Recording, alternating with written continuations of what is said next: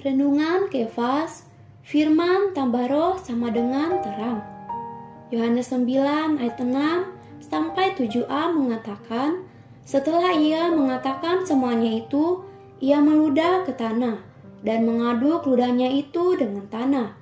Lalu mengoleskannya pada mata orang buta tadi dan berkata kepadanya, Pergilah basuhlah dirimu dalam kolam Siloam Supaya mata batinia kita tercelik, terlebih dulu harus ada tiga langkah. Firman Tuhan masuk ke dalam kita, membiarkan firman Tuhan Yesus dalam kita, melakukan pembauran, dan membiarkan roh kudus mengurapi di dalam kita.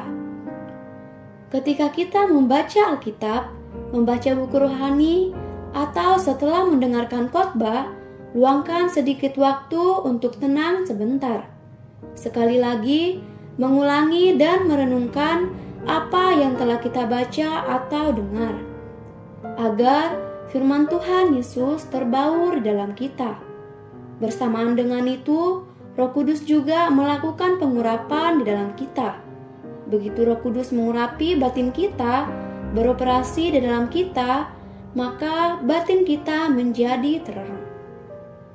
Misalnya, dalam Yohanes 8 ayat 12, Tuhan Yesus berkata, Akulah terang dunia. Siapa saja yang mengikuti aku, ia tidak akan berjalan dalam kegelapan, melainkan ia akan mempunyai terang kehidupan.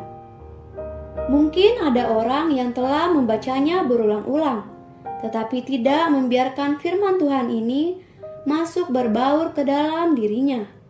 Namun, jika seseorang membaca ayat ini, kemudian mengeluarkan sedikit waktu untuk merenungkannya kembali, maka firman Tuhan Yesus ini bisa berbaur di dalamnya. Roh Kudus juga bisa mengurapinya, dan di dalamnya akan segera timbul terang yang menunjukkan bahwa dirinya berada di dalam kegelapan. Tetapi sekarang telah mendapatkan terang dari hayat Tuhan Yesus. Sobat Kefas, hari ini firman Tuhan sangat dekat dengan kita. Ia memberi perintah juga menguji kita. Sekalipun kita dapat membaca firman secara hitam di atas putih, itu tidak ada maknanya. Tetapi kalau kita mau taat, membiarkan firmannya bekerja, mata kita pasti tercelik. Terang hari ini, apa yang Tuhan lakukan sehingga manusia bisa melihat. Doa hari ini, firmanmu yang selalu tersedia membawaku setiap hari menikmati firmanmu. Senantiasa taat, percaya membuat mataku tercelik melihat mustika Tuhan. Amin.